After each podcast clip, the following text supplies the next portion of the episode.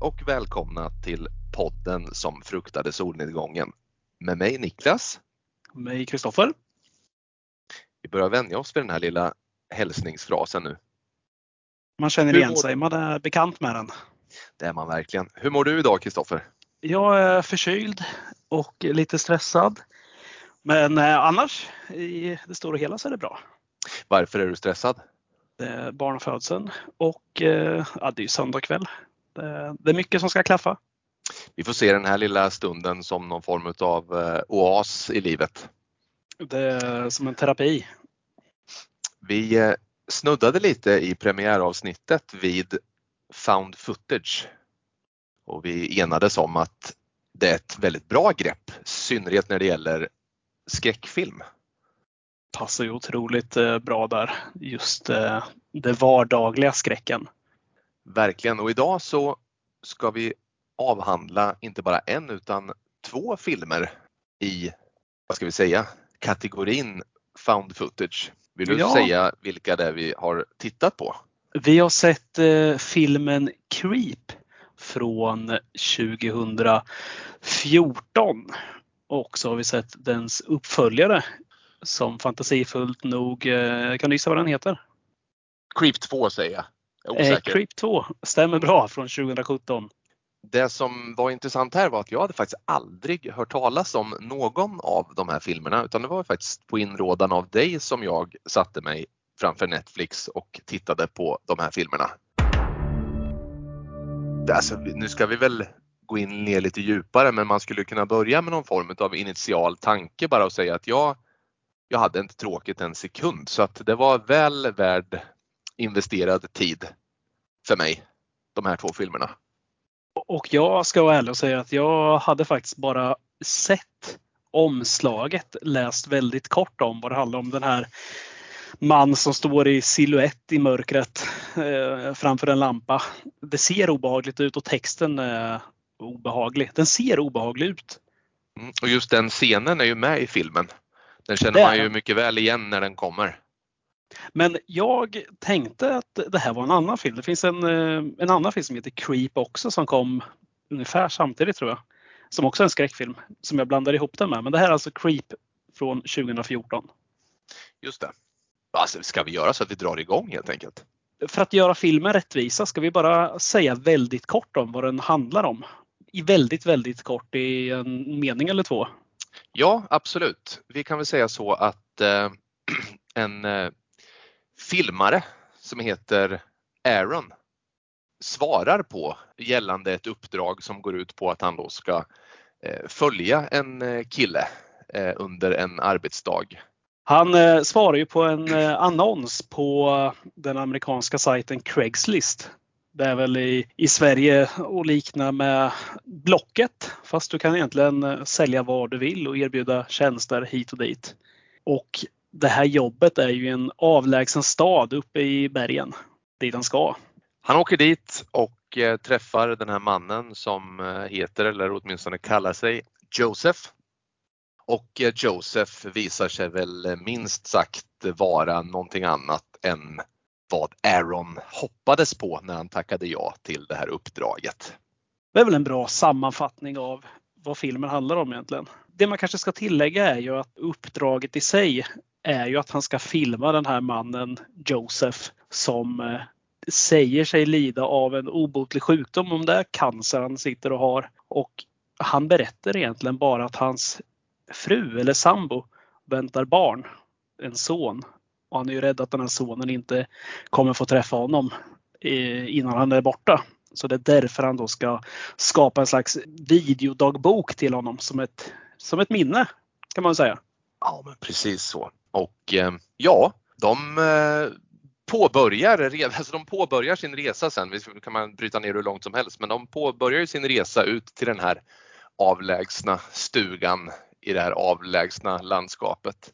Tycker du att man ganska omgående börjar få någon bild av eh, vad det är för kuf den här Joseph eller finns det någonting som du reagerar på ganska omedelbart i hans person?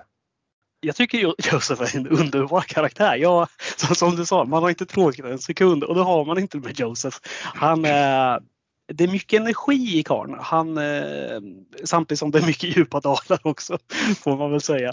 Men eh, han har ju en, eh, han spänner ju blicken i dig och han släpper ju inte med den heller. Jag är inte psykiater och jag har inga eh, högskolepeng vad gäller eh, psykologi eller människans innersta väsen på det sättet. Men han, som du säger, jag tror att om jag skulle gissa så skulle han nog kunna kvalificeras för eh, diagnosen någon form av bipolaritet eller manodepressivitet eller någonting. För som sagt var, det är högt och det är lågt. Och han är ganska lynnig får man väl känslan av tidigt. Det första jag börjar med är att han står och stretchar lite. Han är tillbaka från en eh, löptur tror jag det när Aaron kommer till hans hus. Och eh, de presenterar sig. Det är väldigt snabbt med en kram där också. Det är inga handskakningar utan det är en kram som gäller. Det, redan där... Väldigt, snabbt väldigt fysisk Josef som sagt var. och, och, väldigt trevlig på det sättet. Lite ja, ja. väl trevlig kanske. jag kan säga så här. Hade jag varit Aaron eh, jag vet inte, jag hade nog varit försiktig med att tacka ja till den här typen av eh, uppdrag som uppenbarligen också utspelar sig i, i liksom hela världens yttersta utkant. Men jag hade om jag hade tackat ja, reagerat ganska snabbt på att det här, jag vet inte om jag hade velat åka längre eh, faktiskt. För det är väldigt mycket plötsliga och övriga så här, skrämselgrejer, väldigt mycket fysiska liksom, eh, approcheringar ifrån, ifrån eh, eh Joseph här. Så, så, så att, och jag tycker att det är också så här, det är väldigt, som du säger, det, är väldigt, det blir också väldigt underhållande för att den här osäkerheten spelar ju över hela Aarons ansikte ganska omgående. Han blir ju väldigt osäker och obekväm väldigt snabbt i den här filmen. Det blir han. han eh, efter den här, att han har mött Joseph precis, eh, efter kramen, så går de ju upp till hans stuga. Jag har för mig att han får tusen dollar för att filma det här. Och då ska man med i, är det tre eller fem dagar? Något liknande. Tre eller fem dagar, ja precis. Jag blandar nog ihop det lite med tvåan där, så det var ja. därför jag sa åtta. Till, men precis, det är exakt, det är en lite längre förutsättning där i film nummer ett, ja precis. Och 1000 dollar är ganska bra betalt för det här. För han ska mm. bara hänga med egentligen och filma allt han gör. Det är ju det är inte så mycket mer krav han har på honom. Men Nej. Joseph styr och ställer lite som att det är hans film det här. Och det är det ju också. Men det första han gör är ju att eh, sätta sig i ett badkar. Han, han plockar av sig naken och så sätter han sig i det här, sitt badkar hemma och pratar in i kameran som att, till sin son då, till sin ofödda son.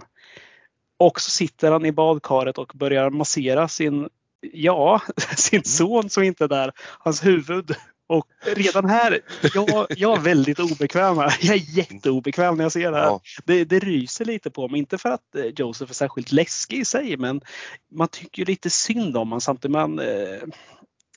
Sen är han väldigt perfekt castad också. Nu har jag inte namnet på skådisen där. Vad, hette, vad heter Joseph, han som spelar Joseph? Där, där har vi Mark Duplass. Och han känner man ju igen eh, ganska väl. Men han har också ett, ett eh, han är perfekt för den här rollen för att han, är, liksom, han ser som du säger inte, han ser inte farlig ut. Men det är någonting eh, med hans, eh, alltså hans utseende som det, det, det, det, är någonting som skär sig lite. Jag vet inte vad det är för någonting och, och hela hans yttre där tycker jag passar så bra för den här typen av karaktär som man inte vet vad man har. Verkligen. Jag tror att som sagt han eh, har ju konstant ögonkontakt med kameran. Mm. Det är ju, eh, han vill ju inte släppa dig. Han, eh, han suger sig fast som, som en jävla igel. och, och, han är ju fruktansvärt tillmötesgående. Mm. Och vill veta eh, allt. Ja, han är, han, är, han är nyfiken och han är, han är väldigt kärleksfull verbalt och han är fysisk och han, ja men han är, fast han är lynnig och hoppar fram och skräms och, och kommer med diverse märkliga utfall så är han ju en ganska så här hyfsat sympatisk karaktär även om det finns någon slags mörk sida som man ganska snabbt anar såklart. Och det, det vi inte ser här heller är ju att de är ju ute i den här stugan mitt ute i ingenstans. Den mm. ligger ju i något naturreservat skulle jag tro. Det ser mm. nästan ut som det i alla fall. Och eh, vi ser inte skymten av hans fru där, Angela, som han eh, pratar så varmt om, som väntar barnet heller. Ja men precis. Det finns mer och mer som eh, pekar på att eh, ja, han blir lite lynnigare och lynnigare den här eh, Joseph helt enkelt och eh, vid ett tillfälle där så jag vet inte om det finns något du vill tillägga innan där men jag vill ändå ta det som någon slags språngbräda när han off camera, han vill försäkra sig om att Aaron har stängt av kameran vid tillfälle då han vill göra någon form av avbön eller eh, bekännelse här. Eh, då den här vargmasken kommer in i bilden. Vill du mm. berätta lite kort eh, hur den här vargmasken som han bär och ibland sätter på sig fyller en funktion för handlingen vidare där? Ja, han tar ju Aaron på en liten tur här i sitt hem och går ner till i, det är ganska stort hem. Vi pratar inte någon fattigmanshem här utan vi Nej. pratar en rejäl timmervilla. Då i en garderob så ja, det blir som en liten sån här jump scare scen nästan när man ser den här masken. Det är en vargmask. Det är, en, det är en ganska ful mask. Den är, den är liksom, jag vet inte, är den rolig eller är den hemsk? Eh, jag har inte bestämt mig men jag tycker inte att den är, eh, så här kan jag säga att hade jag gått i en gigantisk timmerstuga och haft någon form av okänd karaktär som hade strukit runt och dykt upp med den på sig, då hade jag inte skrattat utan snarare blivit lite illa till mods tror jag. Ja, men Joseph han berättar ju historien bakom den här masken eh, som eh, man får reda på heter Peachfuzz. Det är ett mm. för jäkla härligt namn på mm. att ha på en mask. Och han ger en liten eh, monolog här om varför han har den här masken och det har ju att göra med hans barndom. Att hans, jag tror att det är hans pappa som har gett den till honom. En liten harang där men det är ganska oväsentligt egentligen för att precis som du är inne på här när han begär att Aaron stänger av kameran så berättar han ju sanningen egentligen. Eller är det sanningen? Men han berättar i alla fall varför den här masken är där. Och det, det han säger då är någonting som skulle kanske få vem som helst att flippa ur mitt i natten. Det är ju att den här masken har han haft och gjort ett inbrott. Eller han har gått in när hans fru ligger och sover helt själv. Han har ju fått reda på, man ska ta det från början, han har ju fått reda på att hans fru Angela, han har ju hittat sökningar på djurporr på hennes dator. Just det. Redan är det väldigt bisarrt. Mm. Och varför han då har den här masken på sig och gör som han gör. Jo, han, han går in i alla fall i hemmet när hon ligger och sover med iklädd bara den här masken. Sliter upp sovrumsfönstret, hoppar in och Ja, han våldtar henne. Ja. Men eh, det sjuka kanske inte är just det utan det är att hon... Ja, det är sjukt i sig men det är också eh, på det goda, de glada tillrop som det här enligt Josef mottogs med är ja. också sjukt. Han bryter inte mot samtyckeslagen där inte. Nej. Utan, eh, men de gökar som djur tycker han säger. Och eh, när det här är klart sen så lämnar han utan ett ljud. Han avslöjar inte att det är han. Utan han sticker ut därifrån. Och I morgonen natten? jajamän. Han har ju sagt att han är iväg på jobb här till henne. Så att eh, när han låtsas komma hem dagen efter sen så är allting som vanligt. De pratar inte ens om det här och hans fru är inte nedstämd eller någonting. Tvärtom va? Ja, lite glad kanske. Ja, ja. Mm. ja. Vem hade inte varit det? Mm. Eh, ja, här eh, blir ju Aaron konfunderad. Om han inte har varit det tidigare. Det märks ju att det, är någon, det här är någon form av brygga ju. Det är det. Han eh, Aaron förstår ju här att det här är ju något, så här kan man inte säga. Han, han oh, det är en våldtäktsman hade hemma hos ja. om, eh, som minst. ja, alltså, I bästa fall är det bara en våldtäktsman. I sämsta fall så är det så som det faktiskt tillvaron är beskaffad i den här filmen. Han är mycket mer än så. Så är det. Men det kommer vi till. Och det som händer här är ju att Aaron får ju för sig att, här, att han vill åka hem. Men eh, var är hans bilnycklar? De är inte där de ska vara. De är inte i jackfickan där han hade dem senast. Och Josef eh, vet, har ingen aning om vart de är någonstans. Du la dem i jackfickan. Ja, ja märkligt hittar de inte.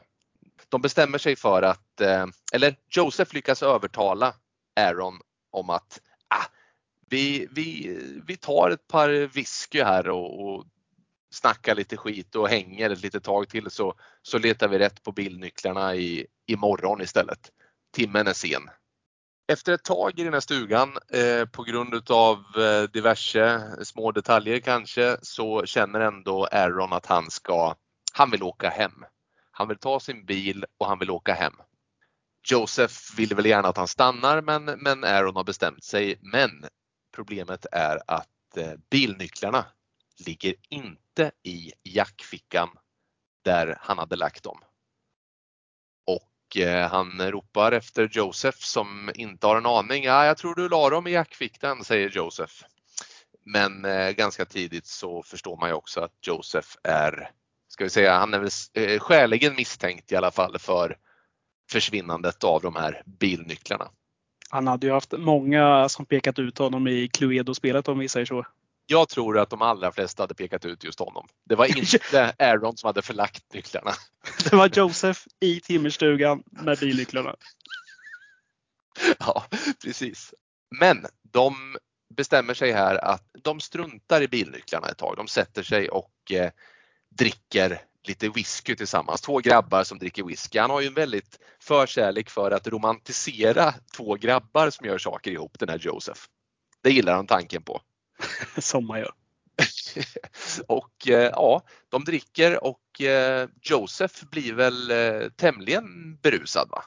Han blir ju ganska full men det som gör det som tar han över kanten är att Aaron är drogar honom faktiskt. Precis, han tömmer en liten, liten burk i, i den här whiskyn som gör att Joseph somnar in. De två herrarna sätter sig och dricker whisky tillsammans och Aaron har då bestämt sig för att droga Joseph genom att eh, tömma något form av, någon form utav eh, preparat i hans whisky som får honom att somna. När Joseph har somnat så bestämmer sig Aaron för att leta rätt på sina bilnycklar och går då följaktligen till Josephs jacka och plockar upp en mobiltelefon som då ringer. Vill du Hoff berätta lite kort om vem som ringer och vad som händer och vad det här samtalet mynnar ut i som har ganska central betydelse för filmens utveckling framåt. Ja, och då ringer alltså telefon och han hör en röst som säger Rickard Sjöberg, Postkodmiljonären. Vad härligt att få prata eh, lite grann med dig. Vilken mardrömssamtal! Mitt ute i timmerstugan också. nej, nej. Man måste skratta lite. Jo, han, eh, han svarar ju i telefon här och säger Angela! Angela! För han ser att det är ju Angela som ringer, det är frugan till Joseph som han har fått höra att det är. Men i andra luren så, så undrar ju vem, vem är det här? Vem är det jag kommit till? Och Aaron försöker ju förklara det här. Men då hör han ju att Angela säger ju direkt att hon är ju inte fruga till Joseph utan det är systern som hon har kommit till. Eller som ringer. Och hon ger ju en ganska stark hint om att han bör inte befinna sig kvar på den här platsen. Hon säger väl You should leave now. Ja, ta dina bilnycklar, sätt dig i bilen, kör iväg. Ja, men jag har tappat bort, jag har inte bilnycklarna, de är borta. Gå, då går du bara. Gå, så kommer allt bli bra. Eh, och det är ju ett ganska stressat eh, läge helt plötsligt för den här Aaron. Verkligen och han, eh, han tar ju och eh, han tar ju lite funderare på några sekunder där. Han, eh, här följer man ju egentligen bara kameran som är igång. Mm. När han stapplar iväg. Lite lätt berusad skulle jag nog tro. Och eh, tar sig ner genom den här enorma timmerstugan. Joseph ligger och sover där vid eldstaden fortfarande, vad vi vet. Ja. Och han rör sig ner för trappen och ska närma sig dörren. Men möts där av Peachfuzz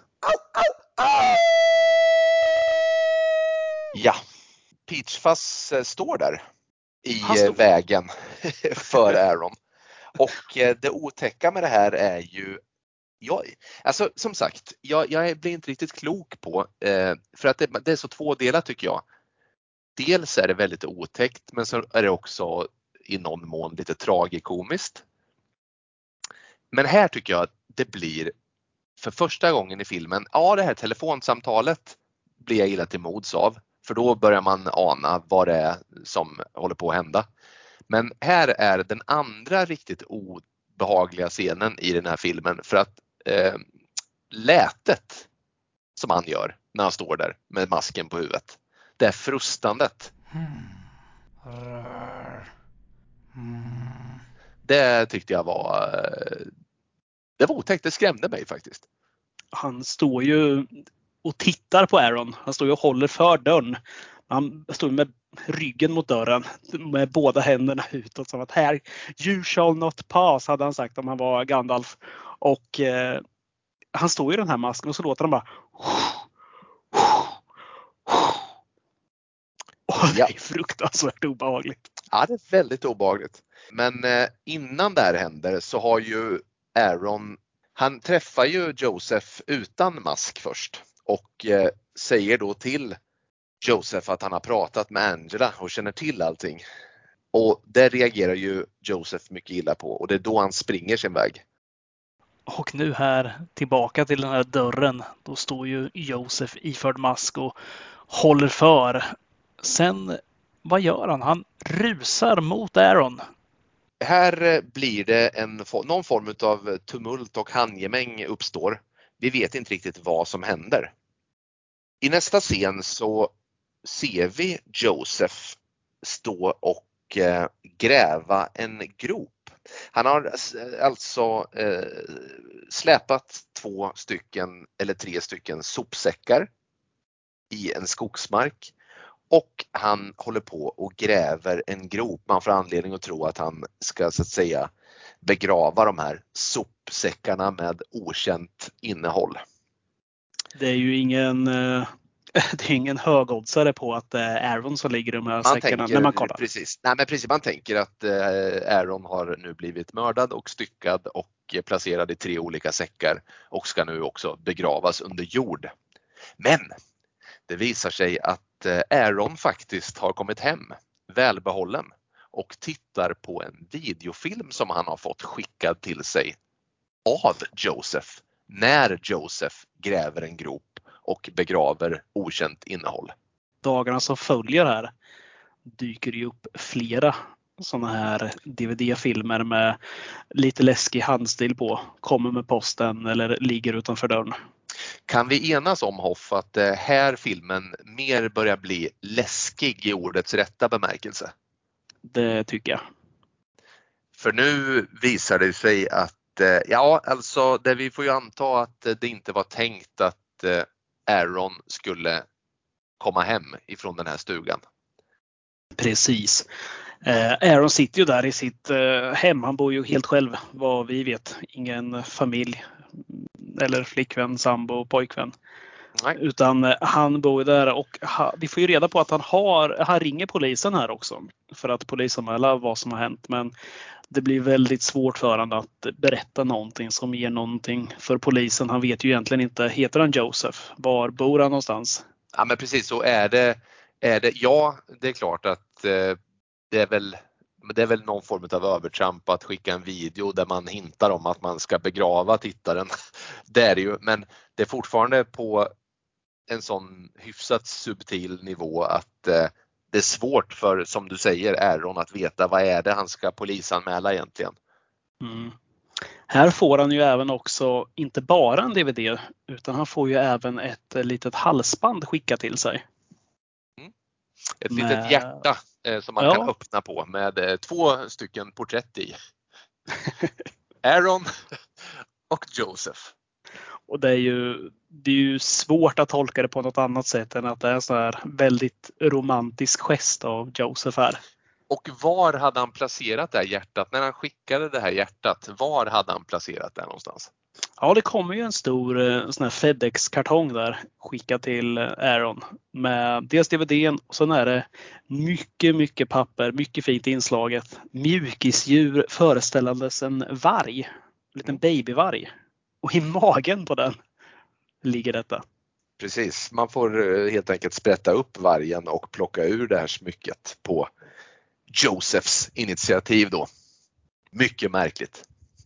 Det är väl här också som Aaron förstår att det här nu, nej, det här det går inte. Det är ohållbart. Han, han bryter ju lite ihop här. Han slänger ju det här i soporna. Det första ja. han gör. Han slänger ju mm. DVDerna med tror jag. Och eh, de körs ut och till baksidan av hans hem. Där en eh, sopbil ska hämta dem. Precis. Han, I anslutning till det här också så blir han ju lite mer paranoid eller paranoid kanske är fel ord men han blir lite mer vaksam så han sätter väl på något säkerhetslås va, på sin ytterdörr. Mm. Skruvar fast någon form av skydd där. På något sätt så filmar han sig själv när han ligger och ska sova där på sen kväll va? Precis. Och plötsligt hörs ett ganska skarpt ljud som vittnar om att det eventuellt kan vara någon i hans hus som gör inbrott. Och han låter kameran stå på. Och han eh, beger sig ut då i hemmet medan kameran står på, eh, ja, om det är nattduksbordet eller liknande. Och kameran filmar så att man ser hans säng och man ser rakt genom vardagsrummet och ut mot hans altan. Och när Aaron ropar och frågar om det är någon där och passerar runt hörnet så får man se att det dyker upp en gestalt på altanen som står precis vid altandörren där. Exakt. Om jag på något sätt skulle säga att det fanns första och andra och tredje eh, scener i filmen som är obehagliga så är det här den väldigt obaglig scen, kanske den allra obehagligaste tycker jag för att han står och har det här leendet på läpparna där vid altandörren. Det här drabbade mig så hårt så att jag faktiskt, eh, trots att jag snart är 40 år, fick en eh, mardröm samma natt som jag tittade och drömde om att det stod någon rackare på min egen altan. Och mitt i natten fick jag helt enkelt gå ner och eh, undersöka saken. Då var jag inte kaxig. Konstigt nog, men det, det, det var ingen Josef där som tur var. Det är tur det. Vad händer sen där? Jo, vi får ju reda på att Josef hittar att Aaron har slängt det här halsbandet i soporna. För det är, det är ju han givetvis som har varit och rotat där ute. Mm. Så han skickar ju en sista DVD till Aaron. Där han eh, och Aaron sitter och tittar på den här dagen efter. Där mm. Josef ändå vill eh, försonas. Han säger att det, han förstår Aaron, att det har blivit fel. Han vill, ja vad säger jag, vi, vi ska vara vänner. Mm. Låt mig gottgöra dig för det här. Mm. Vi, vi möts någonstans. Och vi ser att han skickar det här från en, från en liten sjö i närheten. Inte mm. alls långt bort. Det ser väldigt fridfullt ut. Han sitter på en liten, eh, en liten parkbänk. Ja precis och han väljer den platsen för att han menar att den just är så öppen och eh, tillgänglig för allmänheten att beskåda så att det ska då vara utom fara för Aaron att träffa Joseph där. Och det är ju värt att tillägga att de ska ses på dagen här också. Det är ingen, det är ingen mörk plats. Det är jätteöppet. Det som händer är ju att eh, Aaron går ju med på det här. Att eh, ta emot det här eh, vänskapsförfrågan från Joseph. Men inte helt utan att han anar ju lite oro ändå. Så han sätter ju en kamera i sin bil. Och han sätter ju även sin telefon på eh, snabbval till polisen ifall någonting ska hända där när han åker och ska träffa Joseph. Och när han åker då för att träffa Joseph så placerar han kameran gömd får vi anta längre bort men han har den riktad då mot en viss parkbänk som eh, är i bild och som siktar ut mot, mot den här lilla vackra sjön där. Och han eh, går bort mot parkbänken Innan han sätter sig ner på parkbänken så vänder han sig om och tittar sig omkring och vi får anledning att tro att det inte är någon där för att han sätter sig ner på parkbänken och eh, sätter sig och börjar filosofera lite ut mot sjön där. Ja, det, det, känns som att det är ganska långt det där tycker jag ändå. Han sitter där. Man märker att han, han ser ju inte Josef när han kommer till den här sjön. Det vill säga att han, han måste sätta sig och vänta på honom. Men eh, man märker att han är lite tidig eller eh, att Josef är sen. Men eh, när han sitter där så ser vi någon komma in i bild. Någon i en stor trenchcoat, skulle vi tro att det är. Är det Josef? Ja, svårt att säga, men ganska snabbt går det väl upp för alla att det är Josef när den här vargmasken slits fram och sätts på huvudet. Mm. Det är inte det enda som händer utan han står ju och iakttar Aaron ett tag efteråt också faktiskt. Mm, som sitter inte ett ont anande. Med en ganska dramatisk gest slänger han bort slaget där på den här trenchcoaten. Och eh, släpper fram någonting som är eh, att betrakta som en yxa som vi har sett i den här stugan tidigare på väggen. Värt att nämna bara just när vi har sett den i stugan nu när du nämner det. När han filmar den, kommer du ihåg det? Då säger Joseph någonting till Aaron. Vad är det han säger då? När du ser den här yxan, är det den du tror att du kommer, jag kommer döda dig med? Ja, säger Aaron. Just det. Var, men det som händer nu är ju att han måttar ju ett ganska stort slag. Det är ju inget dåligt slag han eh, gör sig beredd att göra, ett- eller ett hugg. Säger det, för det är ju inget ljud på. Och Nej. han klyver väl Aarons huvud här. Det är en väldigt brutal scen för att även att vi är väldigt långt ifrån så eh, den sitter där den sitter den här yxan. Mm. Och han måttar det till och eh, tar honom ur sitt lidande om det nu fanns något lidande efter det första slaget. Verkligen. Och här är det ju tyst sen. Sjön är som den är. Mm. Inte en käft syns till. Mitt på dagen. Den här vargmannen, om det är Joseph, vandrar ju tillbaka ut ur bild. Mm. Och vi antar att ja, det ska väl inte hända någonting mer här. Man suckar lite kanske eller andas ut. Mm. Mm. Men som Joseph har gjort hela filmen, hoppat framåt, skrämts. Gör han ju. Det är ju så filmen slutar med att han kommer han in i kameran. Och vrålar rakt ut ja. Nära kameran så att man får en liten jump scare där också. Ja. Och sen kommer eftertexterna. Ja. Men det är någonting där också som eh, vi får se. Ja, vi får ju se hur... Eh, vi får egentligen ett, det är ju ett nytt samtal som rings. Mm. Där. Mm. Han svarar som Bill istället har jag för mig. Och eh, får ju ett nytt eh, sånt där. Eller han erbjuder någon att komma och jobba för honom. Precis. Och han trycker in den här DVD-skivan nu som man har. Man ser en DVD som är med stor text Aaron på. Som man Precis. trycker in i sin stora samling här av DVD-er. Jag eh, kommer inte ihåg exakt hur många det var. Jag läste det, men jag Vi tror får- att det var runt 36 eller om det var ännu Vi, mer. Ja, vi får ihåg. anledning att återkomma till det för att han eh, nämner eh, antalet ett par gånger i film nummer två sen och då är det till 39 stycken. Men som sagt, det vi har att göra med är en eh, seriemördare av rang då helt enkelt.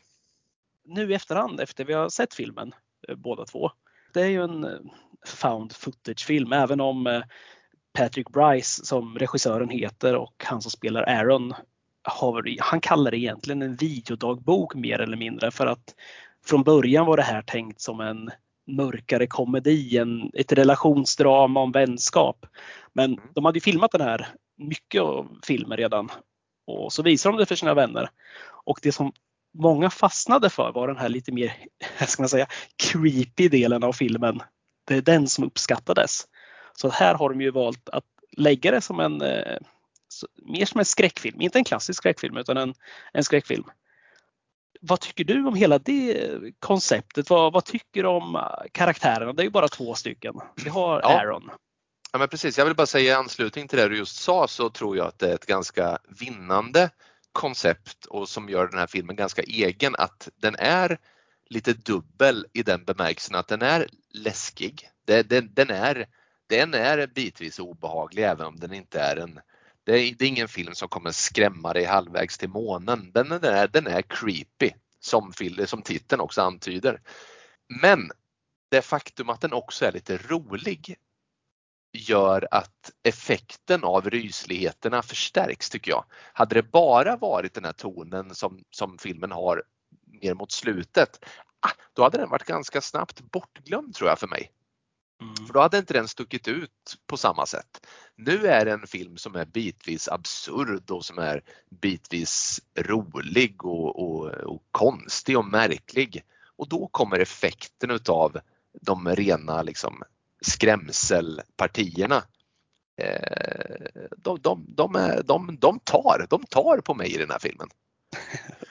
Jag håller helt med dig. Vet, du vad jag tänkte på innan eh, vi gå- går in på Aaron? Just, eh, jag tycker att första delen av filmen, eller fram till eh, kapitel tre kan man väl säga, så det är ju som en sån här buddyfilm lite. Jag Absolut. tänker på I Love You Man, den har du sett säkert? Ja, absolut, med den, den här Rush, uh, Rush-filmen. med Jason Segel och Paul Rudd. och Paul Rudd, ja exakt. Den är väldigt rolig om ja, det är den. manlig vänskap. Den ja, den väldigt, är, bra den är väldigt bra. Det är en väldigt trevlig film. Jag får vissa likheter. Jag känner vissa likheter med den här början. Mm. Det är inte på samma tramsande sätt. Men det är ändå det slår mig att båda de här karaktärerna, både Joseph och Aaron, mm. är ganska ensamma personer. Verkligen. Och jag tror att det är nyckeln till, det tycker jag är, annars hade det varit fullständigt obegripligt att den här Aaron agerar som han gör men om man gör det ur linsen av att han är väldigt ensam så blir det ändå lite mer rationellt utifrån hans person tycker jag. Då blir det inte lika obegripligt och det är bra. Han, han är ensam. Han har sitt stora hus, han bor ensam och han har ju inte många liksom att dela det här med verkar det som. Det hade man ju liksom, hade man själv fått någon sån här liksom märklig eh, person på halsen så hade man väl delgett sin närhet om detta men Aaron har ju ingen sådan. Nej, jag är inne på precis det du säger egentligen. Det, det jag har skrivit ner om Aaron som jag reflekterade över är det känns inte som att Karl har något större driv i livet utan han, han försörjer sig på de här ströjobben. Han åker och filmar någon lite här och där. Det han verkar ha, eh, nu kanske man överanalyserar lite här, men det är att han verkar genuint intresserad av människor. Att det är därför mm. han går med på att åka ut till Joseph. Mm. Och han, han blir han blir lite, Joseph blir ju besatt av Aaron. Mm. Eh, vilket vi märker tidigt. Men ja. Aaron blir nästan lite besatt av att Joseph är besatt i honom. Han vill ja. veta vad det är som händer. För en annan person hade ju flytt precis som Aaron gör. Men du hade ju du hade gjort betydligt mer saker för att gömma dig. Du hade inte åkt och gått med på den här försoningen som eh, Joseph föreslår. Så är det verkligen och, och, om vi nu ska liksom konkretisera det så det han, pra, alltså han pratar egentligen med kameran. Han pratar med Joseph och sen är det två samtal, ett till polisen som inte leder någonstans och ett där så att säga den här Angela ringer till Josephs telefon då. I övrigt så finns det ju ingen närmare krets runt Aaron överhuvudtaget. Och då är det ändå rätt lång tid som passerar från det att han tackar ja till det här uppdraget till att han slutligen blir dräpt på den här bänken. Ja, jo, men så är det ju. Och jag tycker ändå man märker det lite på de här kramarna som kommer. Som eh, först tyckte jag att de var otroligt creepy. Det känns eh, lite malplacerat nästan när de mm, kommer. Mm, mm. Men sen tycker jag ändå man märker att Aaron, eh, han tycker det där är ganska trevligt ändå. Ja. Det känns som att han behöver den där närheten. Mm, och att han, de får ju någon slags ganska bra kompisrelation ganska snabbt där ändå. Mm. För mm. Joseph visar honom den här lilla bäcken, den har en liten hjärtformad sten där ute i, ja, i naturen. Ja, ja. det, ja, det är, är, det inte bara vänskap så finns det kanske lite kärlek där också. Jag vet inte. Men eh, det, Aaron är ju också den här, han är väldigt godtrogen och det märks ju på slutet där när han mm. sitter. Mm. Han, han tror ju fortfarande gott om Joseph. Att han, mm att Josef ångrar sig här att äh, men det finns nog mycket godhet i honom. Och det, jag tycker de har lyckats sjukt bra med det. Det här är en ganska kort film också. Jag vet inte om den eh, passerar strax över 1.20 eller någonting sådant va? Ja, vi landar på 77 minuter där. 77 minuter, ja precis och, och, och, det gör ju att eh, det är en kort film men den är fylld av, utan att vara stressad eller forcerad så händer det väldigt mycket i det lilla och eh, som sagt den är aldrig tråkig. Vad, vad tyckte du om Joseph då? Vi har ju pratat lite kort om honom men eh, har du något mer som du vill lägga till om? Mark Duplass som sagt, eh, väldigt bra i rollen som Joseph, väldigt bra på att spela, väldigt bra, alltså han ser alldaglig ut men ändå inte på något sätt. Det, fin, det är no, jag, jag, jag har svårt, jag kan inte riktigt precisera det där i ord men jag tycker att han är helt perfekt castad. Att han, eh, han skrämmer ingen med bara sitt yttre men samtidigt så har han ett yttre som eh, vittnar om att det finns någonting bakom den här eh, glada och hjärtliga fasaden, vilket det mycket riktigt gör. Eh, hur det är ställt med Josef, det är ju svårt att, att svara på såklart. Han eh, är ju från vettet naturligtvis. Men eh, som du sa i början eh, av avsnittet här så är han ju i någon mån är han ju älskvärd på något sätt i allt det här miserabla. Men mm. det är ju svårt att hata karln. Jag kan känna vissa likheter med Joseph just i de här, det, nu är det ju en person han träffar eh, för första gången. Ah, det visar sig faktiskt att det inte är riktigt första gången för han har ju filmat Aaron lite innan. Erkänner han ja. faktiskt en gång också. Mm, mm, Men mm. det jag tänkte komma till egentligen med Joseph det är att eh, de likheter jag tycker man känner igen det är att eh, du vet när eller fan vi säger så här. Eh, om du går på en fest med där det är massa folk som det skrattas, det sups, det dansas. Mm. Då förhåller du dig ganska snabbt till den miljön, hur stämningen är. Du, mm. du blir ett med det för att, för att det sociala ska fungera där du mm. är. Eh, samma sak om du eh, åker hem till en vän som har barn. Så, mm. så gör du ju allt för att inte skrämma barnen eller att de ska bli obekväma. Du, du lägger dig på deras nivå. Du mm. pratar lite barnsligt kanske och så vidare. Mm, men, men Joseph, han gör allt det här men han gör det i en, han gör det i en så mycket sjukare utsträckning. Han gör det så långt hela tiden att det blir på ett eh, sociopatiskt sätt.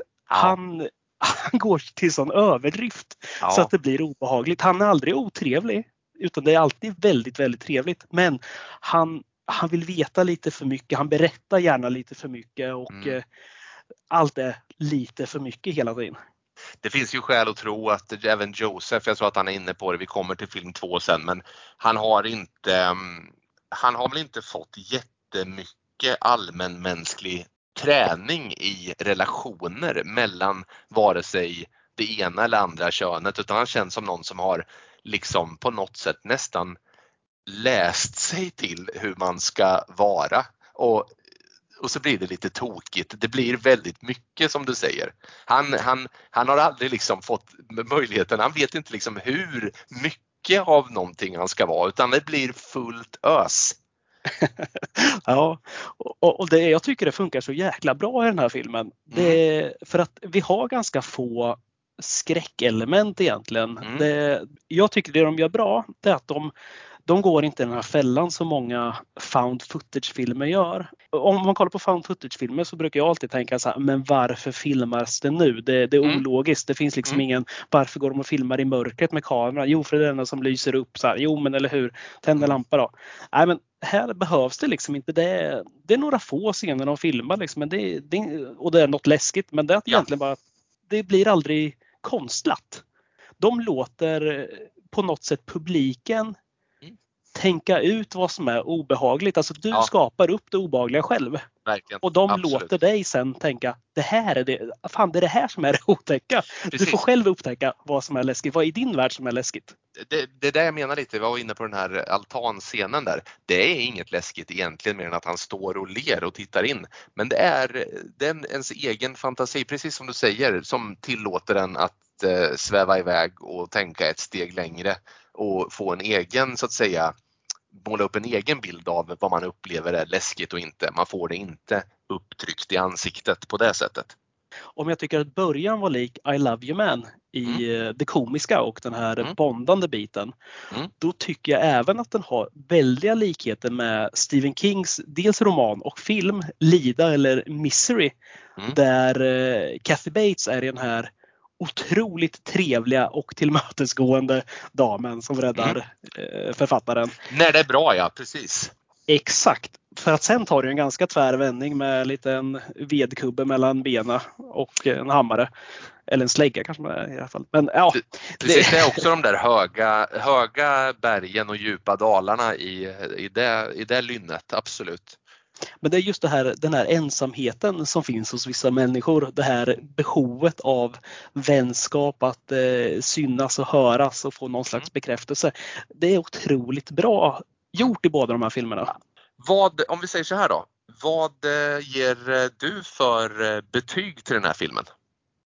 Jag tycker att den här filmen är, jag tyckte den var jättebra. Jag, jag kan inte säga att jag ger den en femma, för att, men en fyra, en fyra och en halva skulle jag ge den i det här fallet. För att jag har inte sett det här tidigare. Jag, jag blir lurad när det är found footage. Jag funderar, jag förväntar mig tunnlar, mörker, folk som hoppar fram bakom hörn. Inte Mm. som i det här fallet när, när Josef hoppar fram hela tiden och skrämmer en och erkänner precis. till, till slut att nu är det lite för mycket, du blir inte rädd längre. Nej men Utan- verkligen. Det är någon de blandning mellan Batman, Jokern och eh, Jeffrey Dahmer. Liksom. Och det, Ja. det är verkligt. De gör det på ett jättebra sätt och det är nytt. Jag, jag tror att de har bra hjälp här för jag såg att eh, de har fått hjälp med klippningen här av en kille som heter Greg Plotkin som jobbade som klippare på eh, nästan alla Paranormal Activity-filmer. Mm. Och klippningen i den här filmen är bra för att den eh, får, det blir aldrig tråkigt som det kan bli i vissa sådana här. Det blir utdraget. Det, det är ju väldigt mycket dialog. Verkligen. Det blir inte tråkigt. Inte en sekund. det man ska lägga till här också är ju att nästan hela filmen är improviserade dialoger, vilket är otroligt ballt.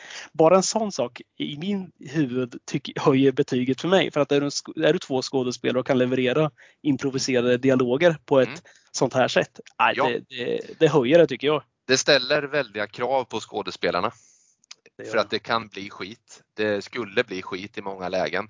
I det här fallet så ger det en väldig känsla av autenticitet tycker jag till filmen och det är verkligen imponerande av båda.